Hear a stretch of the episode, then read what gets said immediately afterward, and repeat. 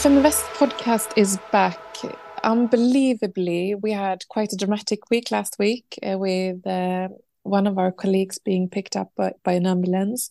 Uh, I'm so glad to tell you today that it was not nothing serious, but that meant that we had to cancel uh, the, the the episode last week. And over the years, we've been producing almost 200 episodes of the Feminvest podcast. And it's been a tremendous um, gift of uh, talking to experts uh, in regards to business uh, and uh, the stock market and investing. But we have decided that onwards, we are only going to publish an episode every other week and try to um, ensure that you get a lot of quality as a listener.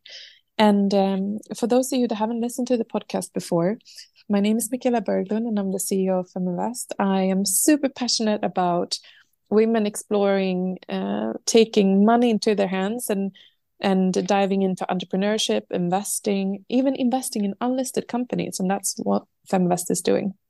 We provide a platform for women to explore this uh, tool of money and what it can mean, not piling it uh, at home, but actually using it to create good for the world in different ways. This episode is, is super exciting. I've got, I must say, he's an expert, and, uh, and not only because he is uh, super acquainted with uh, AI, the hottest thing on earth uh, and the stock market in the last year. He's got quite a solid background. So Arli Mujkic uh, is um, an entrepreneur believe it or not, he started learning coding uh, by hand, pen and paper. Uh, that kind of give indicates the age span he's in as well. You're young, Arli. but how old were you when you started? Yeah, I was actually I was as you, as you mentioned. So I was seven years old when I first got in contact, or six and a half, with computers and uh, as my kids as well, I have two daughters. I mean, we with iPad they start putting puzzles and, and making uh, games and playing games, and I was the same way, I guess, like all kids do. But uh, I was always a very curious uh, guy uh, as a child. I even am today. like to learn things, so um, I kind of wanted to create my own games. So I went on to AltaVista back in the day. It was AltaVista and wrote how to make game. And I remember uh, AltaVista. I... You remember, right? Think, and I yeah, think it's I always funny that you are googling on Alta Vista today. You know, that's that's also a reminder to never kind of feel safe safe on there in the top. We have more stories of those like with Nokia and, and more, but that's a different topic for another podcast. But yeah, that's how I got into coding. Yeah, you so you were uh, seven, and then this is hilarious. I think it's so unbelievable. At the age of fourteen, you built a three D engine used by NASA and then you sold your next company. How old were you then? So I was uh, 19, so I was just about to turn 20. Uh, I remember it because, uh, yeah, in Sweden, when you turn 20, that's when you actually are allowed to, for example, go and buy some champagne and things like that. As we know how it is in Sweden, that's the age limit. So when I actually sold my first company, I couldn't even uh, buy buy some champagne to to celebrate with my friends. Actually, I had asked my dad to to buy it and uh, and and then for us to do a small celebration. But yeah, I was 19 then. It was an anti fraud platform, uh, which was used by a lot of companies to decrease fraud. Today. Um, it's basically it was basically uh, two-factor authentication, which is standard today, but it was done in 2000 and uh, let's say 2006, um, and um, um, yeah, was was a, a, lot of fun times, uh, uh, exciting times, and to be developing a lot of different uh, technologies during different industries. And now we're focusing on AI, which has been with me for basically for 30 years since I created my first game when I uh, started writing an if else uh, if else code on on game characters. I guess that's a very rudimentary AI, and from there on, the foundation, yeah. Yeah, I've been always envisioning uh, AI developing more and more, and, and here we are today, where it's definitely I would say um, as big as the internet um, happening. Um, so yeah, very exciting times. You 3D, also the 3D world as well. A lot of fun, as you mentioned. So yeah, was uh, very active. So in my last 30 years, I've been going from game development, 3D development to to um, anti-fraud platforms, and and over in the end now to investing and, and focusing on applied AI. Yeah, because because today you're the CEO of a listed company called Epti, and you actually have a portfolio companies within the AI space. And uh, obviously, um, I want to start with uh, the potential because if we look at uh, the worldwide revenue in AI, Fortune Business Insights just presented some data that it will grow from $2 trillion by 2030 to $515 billion. So an annual growth rate of uh, 21%. Uh, and that is strong growth. And obviously, like as an investor, you want to get exposure to this. So uh, AI, AI for dummies, because it's quite a wide um, um, description of quite a few different uh, technologies and use cases. How would you describe it? Yeah, that's a very good question. So AI has uh, has been with us for quite quite some time, but we're getting today to what's more called a, a general or general AI, which means that it can perform uh, a lot of the human tasks that we that we do, and that's the big thing that that we see has been happening with the GPT development. Before that, you had you know AI for for vision, where you can see that you know um, AI figuring out what's in a in a photo. Uh, you you've had AI specifically niched for different type of of sectors. Um, uh, but what we're seeing now is a huge development for ge- general AI, which means uh, you know taking in data and understanding it and and uh, you know processing and talking about it uh, in a more human form. And this is where it gets very exciting. And uh, this has been in real uh, time as well.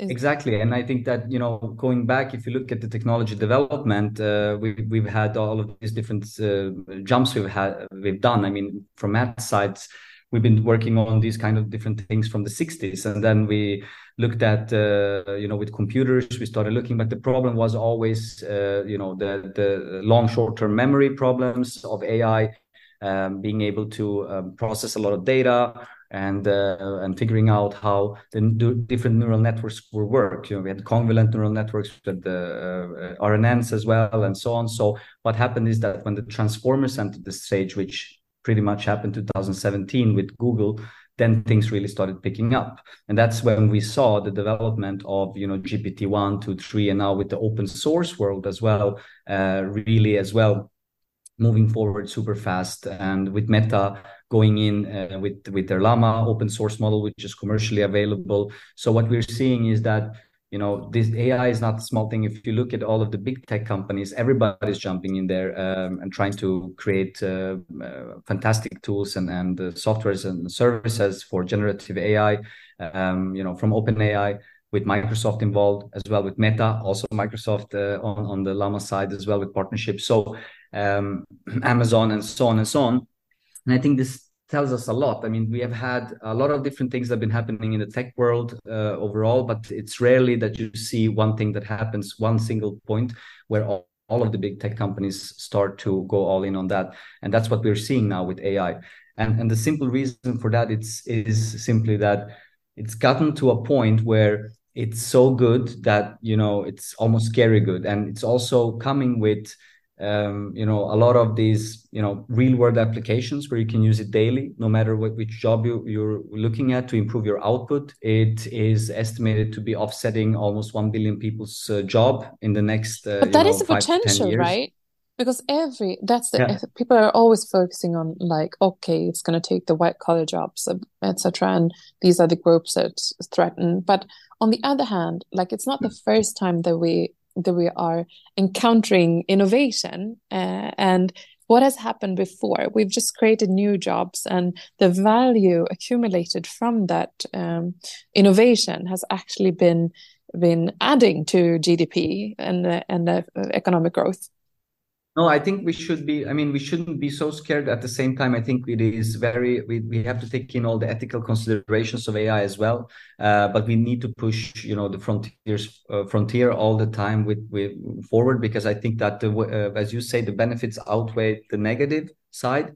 And we can already see that. I mean, uh, as you mentioned, I've been in, in, in tech for 30 years now, which is uh, incredible when I think about it this year. And and when I start to look at how how I'm using AI, for example, today in my daily job, or software engineers um, basically anybody that I'm in contact with that knows how to use it properly can increase their output. But what we're also seeing is that this is just the beginning. So of course it will develop more and more, and we have to do that with you know having um, all, all everything in mind. Also, what is what is potentially good for, but what also what kind of bad things could happen with it if we don't uh, kind of you know think about as I, as I said the ethical considerations but uh, but and yeah that I is mean, such AI an important threat and uh, uh, that you and it's good that you raised the the question because if we look at the american market um, it feels like the big tech companies are just sweeping off the world with data because data is the most important factor to to improve the ai uh, functionalities obviously yeah. but at the same time I I just I'm just waiting to see like what's going to happen from a regulatory perspective. What do you estimate is going to happen?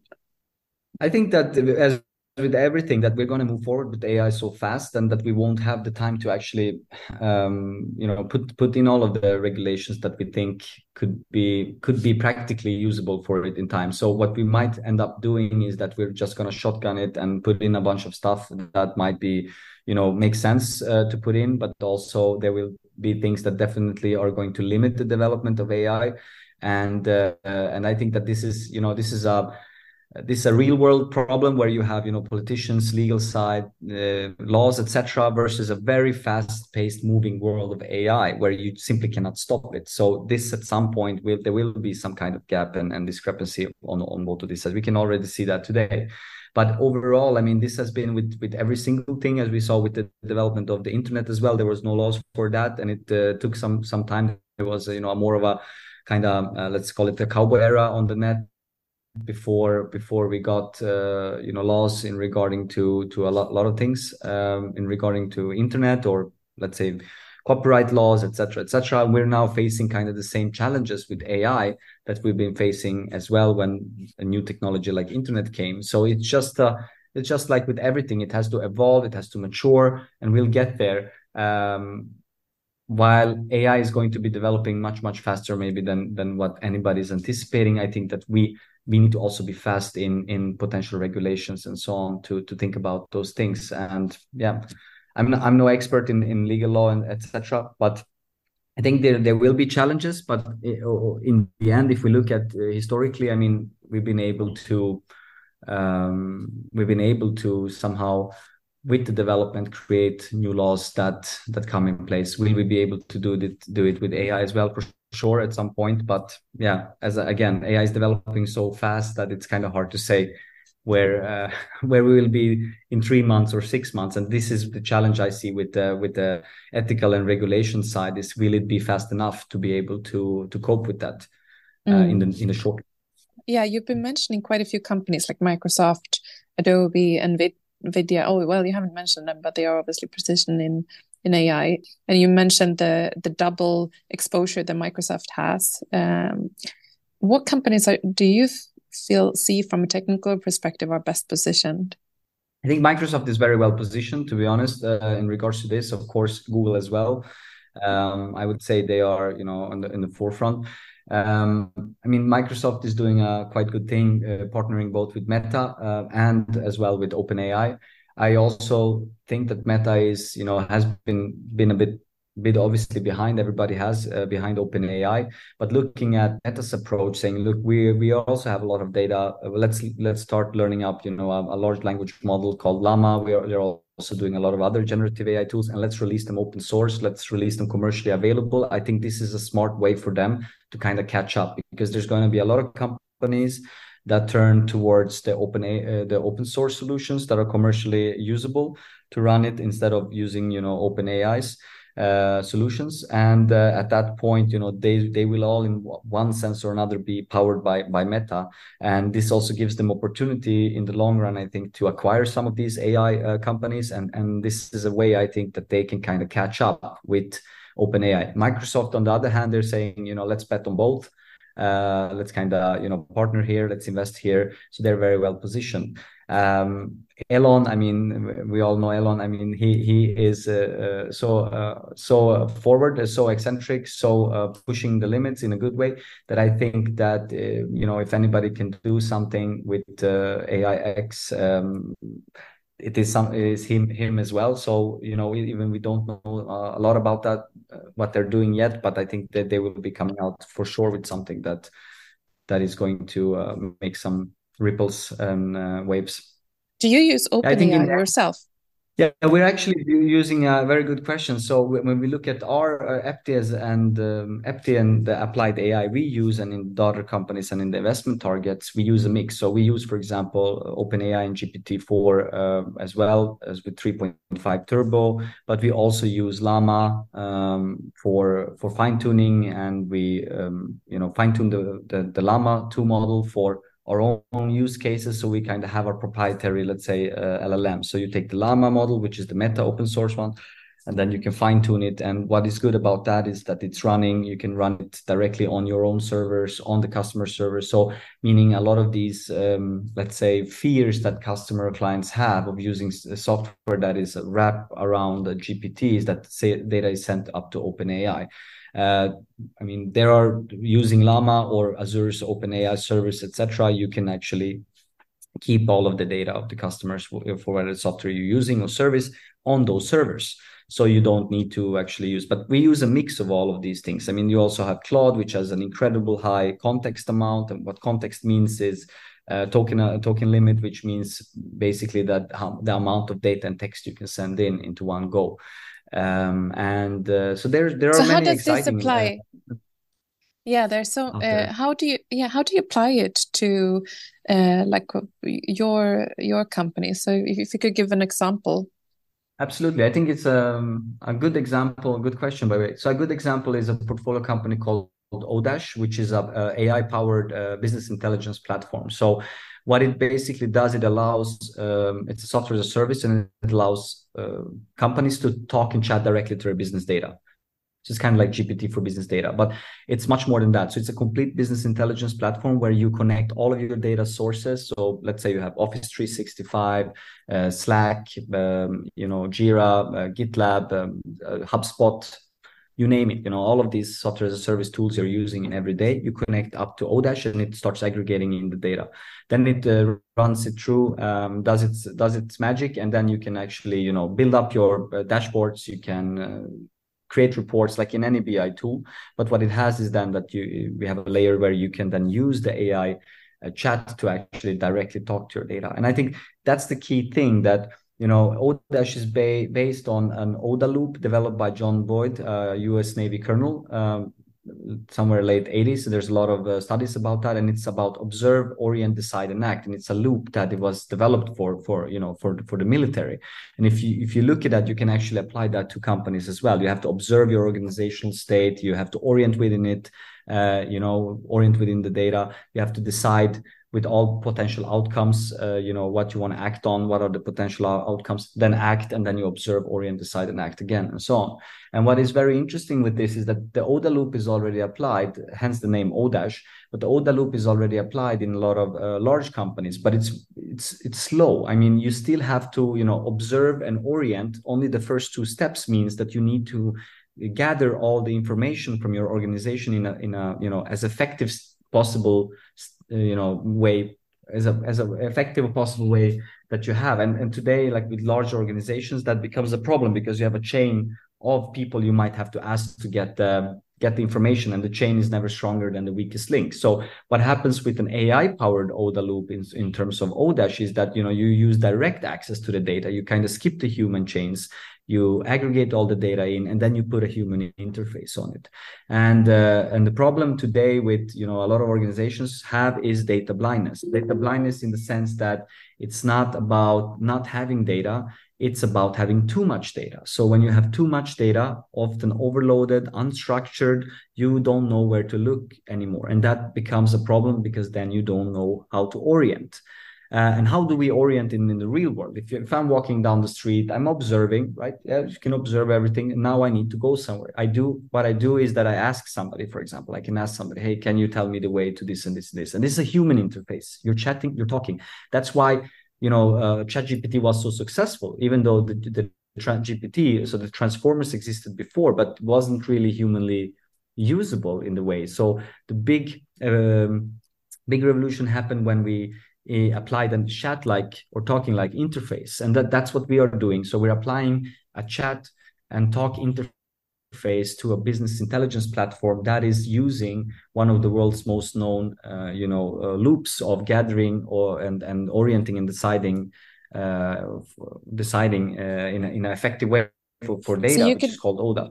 So you could actually uh, like integrate for example slack uh, and uh, go and talk like how are the my team using or how is the company even using this tool at specific times uh, every day? And then you'll see Correct. like everyone uses slack on on monday tuesday wednesday but on thursday at 12 everyone is like fading out of of uh, using. So you could you could analyze that and make a decision Correct. Like should should my team continue to to use this tool, uh, or should we like what's happening on the Thursday afternoons? Correct. I mean, if, if we look at uh, that's one one very good example. If we look at potential uh, clients using uh, Odash that are agencies, for them, uh, you know, the the primary goal is you know the productivity of the team, for example. So they would focus maybe on you know how is this project going versus this project which days are we working better which days are we working uh, you know uh, less better less good and so on and and try to extract this kind of data you know um, so the next step is that you can apply to any type of data. I mean we have clients now that have factories and and are looking at uh, you know production. So if they have custom data then they can actually push the data inside. So if we have standard apis to you know over 300 different sources we can aggregate the data in. But let's say you have custom data then you can just push the data in and it goes the same way. So you can then say okay how much uh, you know how much of these product did we manufacture in the factory here compared to the factory uh, and you know you can do a lot of those things as well. But it's not about just gathering data out and, and, orienting with it. It's also looking at you know how can we improve it? So you know this is where where odash uh, can help and say okay if you for example work half friday uh, instead you would not lose any uh, efficiency for example. You can see that you would you know still be doing everything you're doing. So okay that means that you can now suddenly you know give a benefit to your employees and say look we're just doing ha- half day on friday. And you, you know for a fact that for example you will not have any delivery issues but you will have a happier team. But you can also do another example is is marketing. Let's say you're running you know um, social media campaigns on linkedin tiktok uh, youtube uh, twitter facebook and you know it's different demographics. So what you could do is that instead of using all of these tools to aggregate and then look at bunch of graphs and dashboards everywhere etc again data blindness due to data overload um, you can actually just you know type it in and say hey how was my how was this campaign doing on, on how, how did it do on linkedin compared to facebook on saturday? And what about this campaign? Okay show me the etc and then kind of sort them to, to, to show me which one is uh, best performing overall which one is performing best on this one this one and you just talk to it. This is this is the part where you kind of like observe and then once you observe and orient around it by talking, then you can decide and say, hey, this campaign is not performing well on any channel. This campaign is performing not good on LinkedIn, but very good on TikTok. Let's increase the budget on TikTok and decrease the budget on, on LinkedIn. That's another example. So there are many, many different examples where you can use this from, you know, from agencies to large companies to industries with a huge amount of employees to, you know, marketing and so uh, real estate we're looking uh, we're looking now with with uh, with clients from real estate where they want to put in a lot of their huge uh, real estate projects in there because there's a lot of data. They do they go through all of that manually especially for for example for new real estate deals and projects putting the data in being able to you know orient within it through a human chattable interface is, is what makes it powerful while still keeping a complete bi system underneath which means that you still have your reports, your dashboards, everything you can export. But now you also have the chats. You can save the chats, share the chats, go back to it. Could it uh, also be so, like investigating like energy consumption, for example? Like what uh, real estates are uh, exactly. producing the most? Yeah, exactly. This is also uh, one of the the factors, and as well as you know rental incomes and Another example is companies using it for financial uh, data as well, like asking how much revenue did I do or e-commerce as well. You know, how much sales did we do yesterday compared to the week before? Why did it decline? Why did it go up? Can you tell us what would happen? Okay, this and this things happen. And this is again going back to AI getting to the state where it's so good that you can it's almost this you know general uh, intelligence. We're not really completely there yet. We will get there but it is simply so good that you can now if you if you apply it in a good way if you know if you know how to apply it like we did in odash and it took a lot of years and it took a lot of development but it can actually tell you not only that it declined but also why did it decline and this is a big difference from other bi tools which you know for example um, you know focuses on showing you reflectively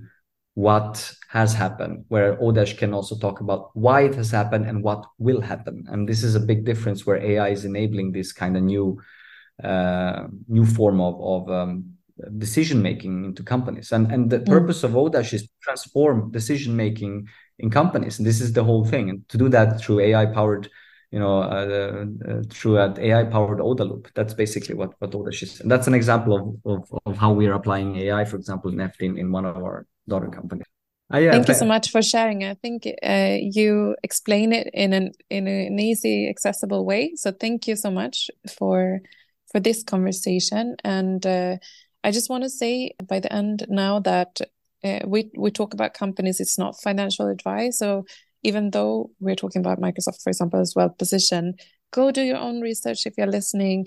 But uh, I hope that this has inspired you to to learn something new in regards to trend that is um, not only a, a, talk of the town, but it's also invested hugely amounts of money, and we do see the revenue already, and we've seen it in NVIDIA's super reports, we've seen in Microsoft's report, Adobe, everyone, the good companies well positioned in this market are making money.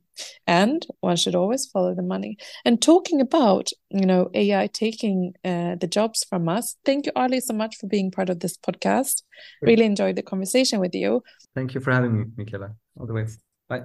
And now I'm going to hand over to my colleague who will be talking to an entrepreneur. She is actually assisting companies when they need to get rid of people. Uh, so uh, if AI would uh, would uh, affect your business, uh, she is the one to talk to. So over to you, Saba.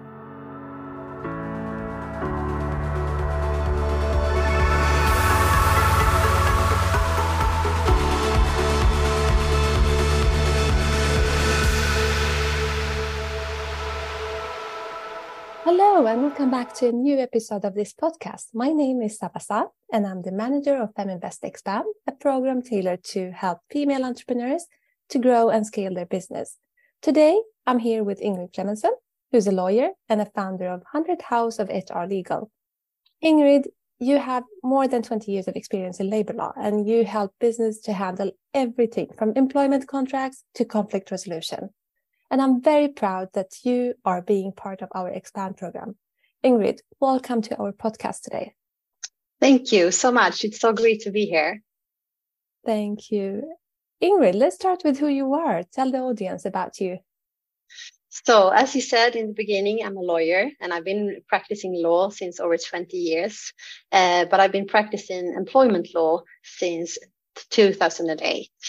Um, so that's sort of my passion, and it's really been the passion since I studied law at law school. Actually, I did my essay on employment law matters, and um, I actually um, went to France to do an Erasmus where I studied sort of employment law. So it's really been a passion of mine since many years back.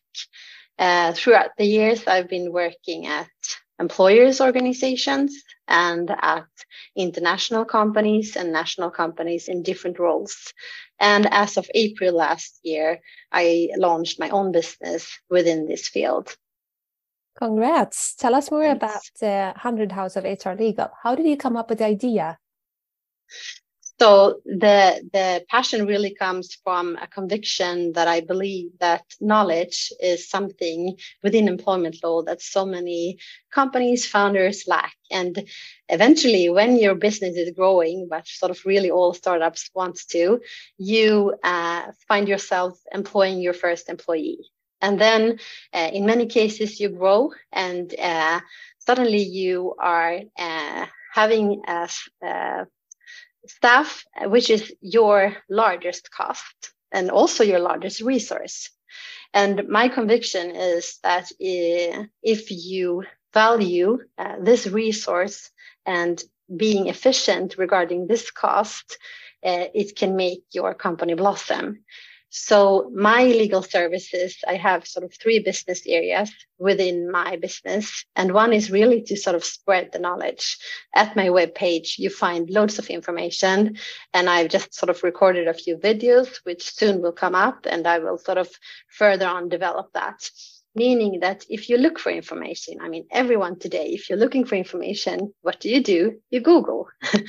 so i also would like to sort of contribute to that um, generally speaking there are um, quite few legal answers if you google. So i would like to contribute to that within my expert of field which is employment law. So that means that you can find many of your answers at my webpage or uh, on in my videos. And you're welcome. Maybe that solved your problem uh, for the time being uh, but i also believe that um, if you later on needs legal expert you become a better buyer if you have knowledge so then uh, my second business area is uh, my legal services um, which is which is basically a package deal um, so my aim is um, to help companies in the preventing phase. If you have secured your employment law legal future, uh, it will become a much smoother journey for you as an employer and for your employee. And in the long run, I believe that contributes to a great working environment for everyone. So the package deals, I can take an example. Uh, my small package deal is that you buy 10 hours and let's say you have reached out because you need help with a reorganization. We are in a recession now. There are many companies that are struggling out there. And so I can I can help them with necessary negotiations, preparations, um, discussing on which road they should take when it comes to reorganization from out from the legal frames. So let's say you bought the package deal of 10 hours and we help uh, you obtain the help and you have done your reorganization and it only took six hours. Then you have four hours left and you are free to use them.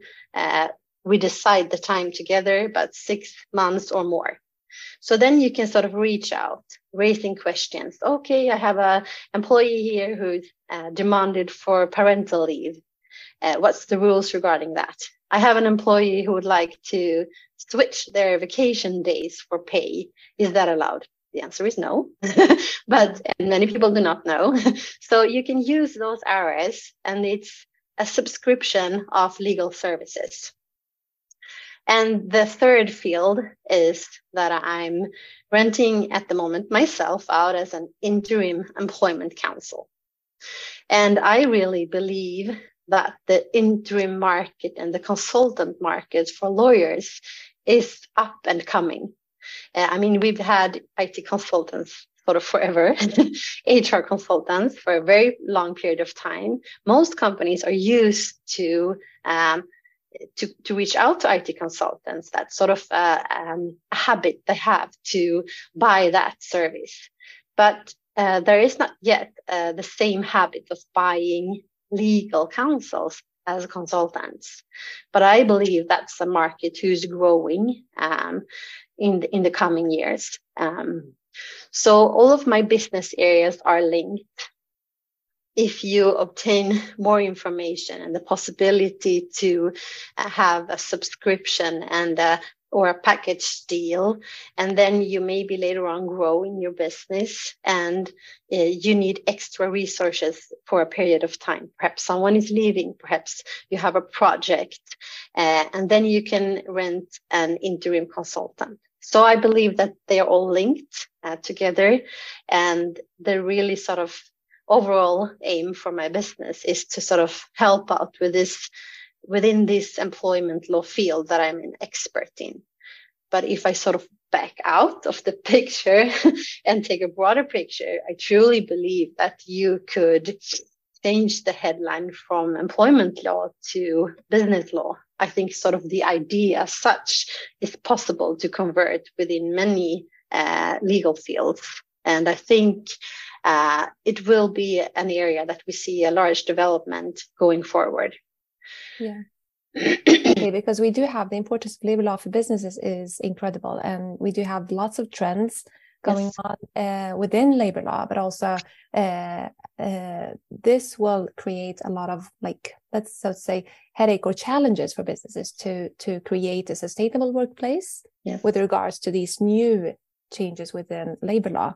Yeah, and we were talking about the Swedish labor law, but also within EU uh, yeah. with regards to digitalization, to the pandemic and the effects of the pandemic, but also yeah. the flexibility that employees are asking for, um, the increasing diversity and yeah. um, addressing the question of equality exactly. as well. Yeah. yeah. Uh, so labor law can actually be used to promote justice and equality within labor market as well. So these are like major trends um, that businesses has to have to work with and and tackle daily yeah uh, absolutely yeah and as we are growing we are also needing these these um, um, let's see issues to be even more clear to work yeah. with yeah, yeah. Mm.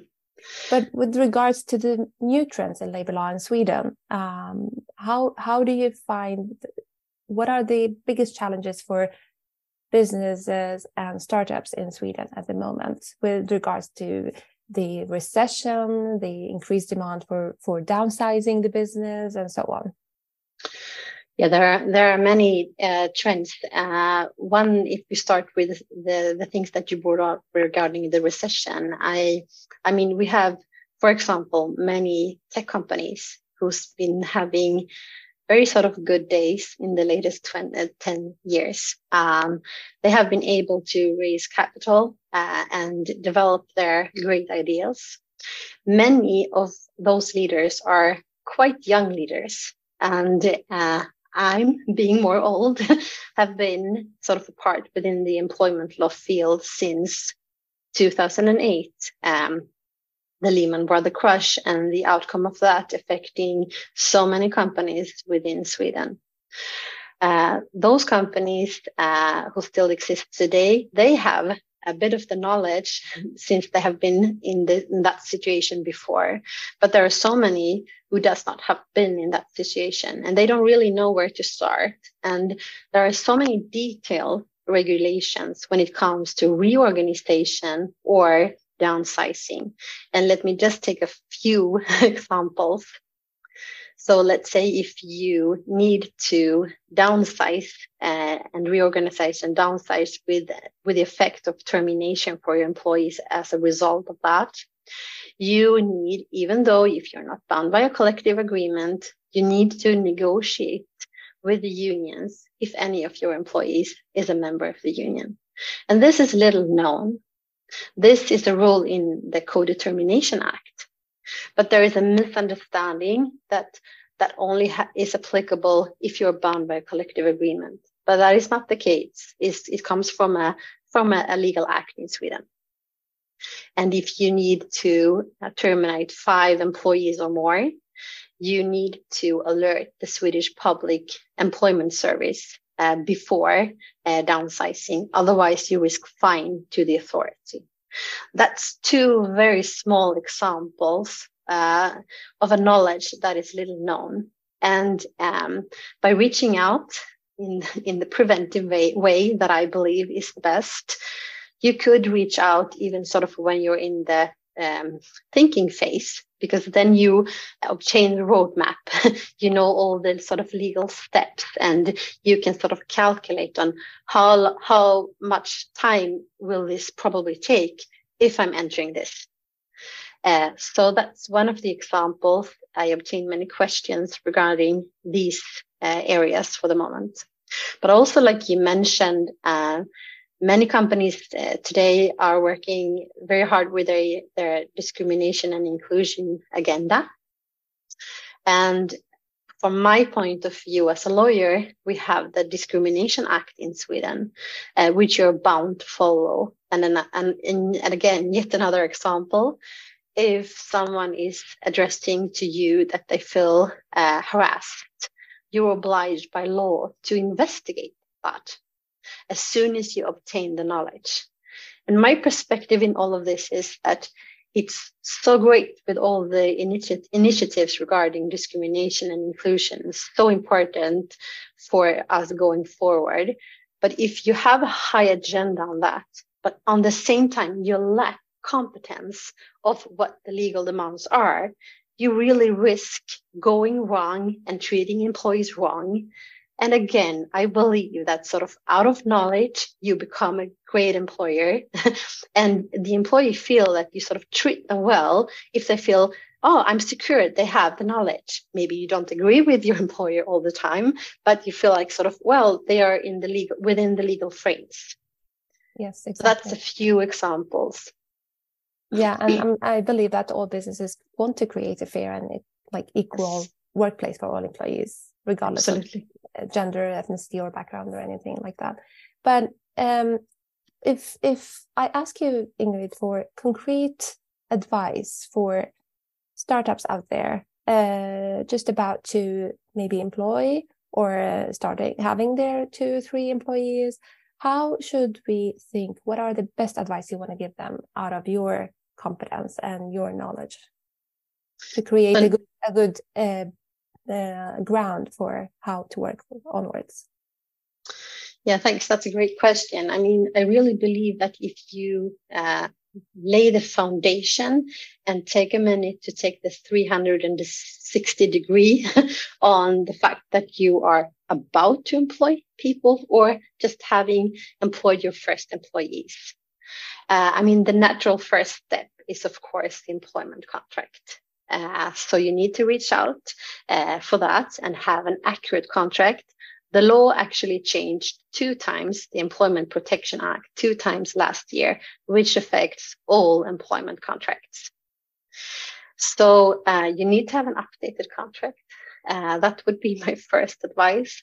My second advice is that I've seen so many um, employers having employment contracts and they do not know what uh, the regulations within the employment contract means. So they have sort of secured the contract and then uh, they sort of hand it over to the employee and later on, sort of when they reach out to me, there is an issue, there is a debate, there is uh, maybe a litigation. And then I sort of ask, okay, I see in your contract that you have regulated this. Uh, how was your discussion before uh, taking this into the contract? How have you followed up that throughout the employment? And there are so many employers who does not know what sort of the contract means. So also take a minute so to to raise the question or to save the information so you really know uh, what uh, you have regulated and why because it can difference differs uh, if you employ someone on a temporary short contract or if you employ someone on a manager position so uh, dare to have different employment contracts and dare to sort of have the knowledge on why you would like to have certain rules and regulations. And then you probably need someone who's helping out with the with the salaries if you don't have that already. Uh, and in that uh, regard, take a minute on the uh, on looking into the salary system that you create for your company. Perhaps you can find a salary system which is easy to applicable or use when it comes to uh, the equal pay audit. You need to do an equal pay audit each year. There is many misunderstandings regarding old rules. Many think that you need to do that every third year. That's an old rule. many companies think that you need to do that if you have 25 employees or more. That's an old rule. So everyone does need to make an equal pay audit each year, all companies. If you have less than 10 employees, you, you do not need to document this audit.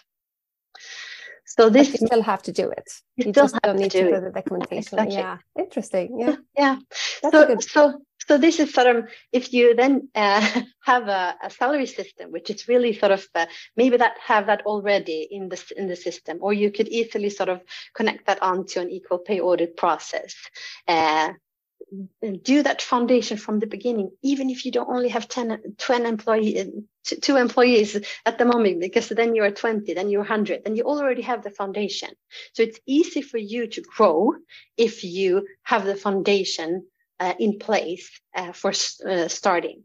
And it also, again, gives credibility to your employees if you sort of can answer all the questions.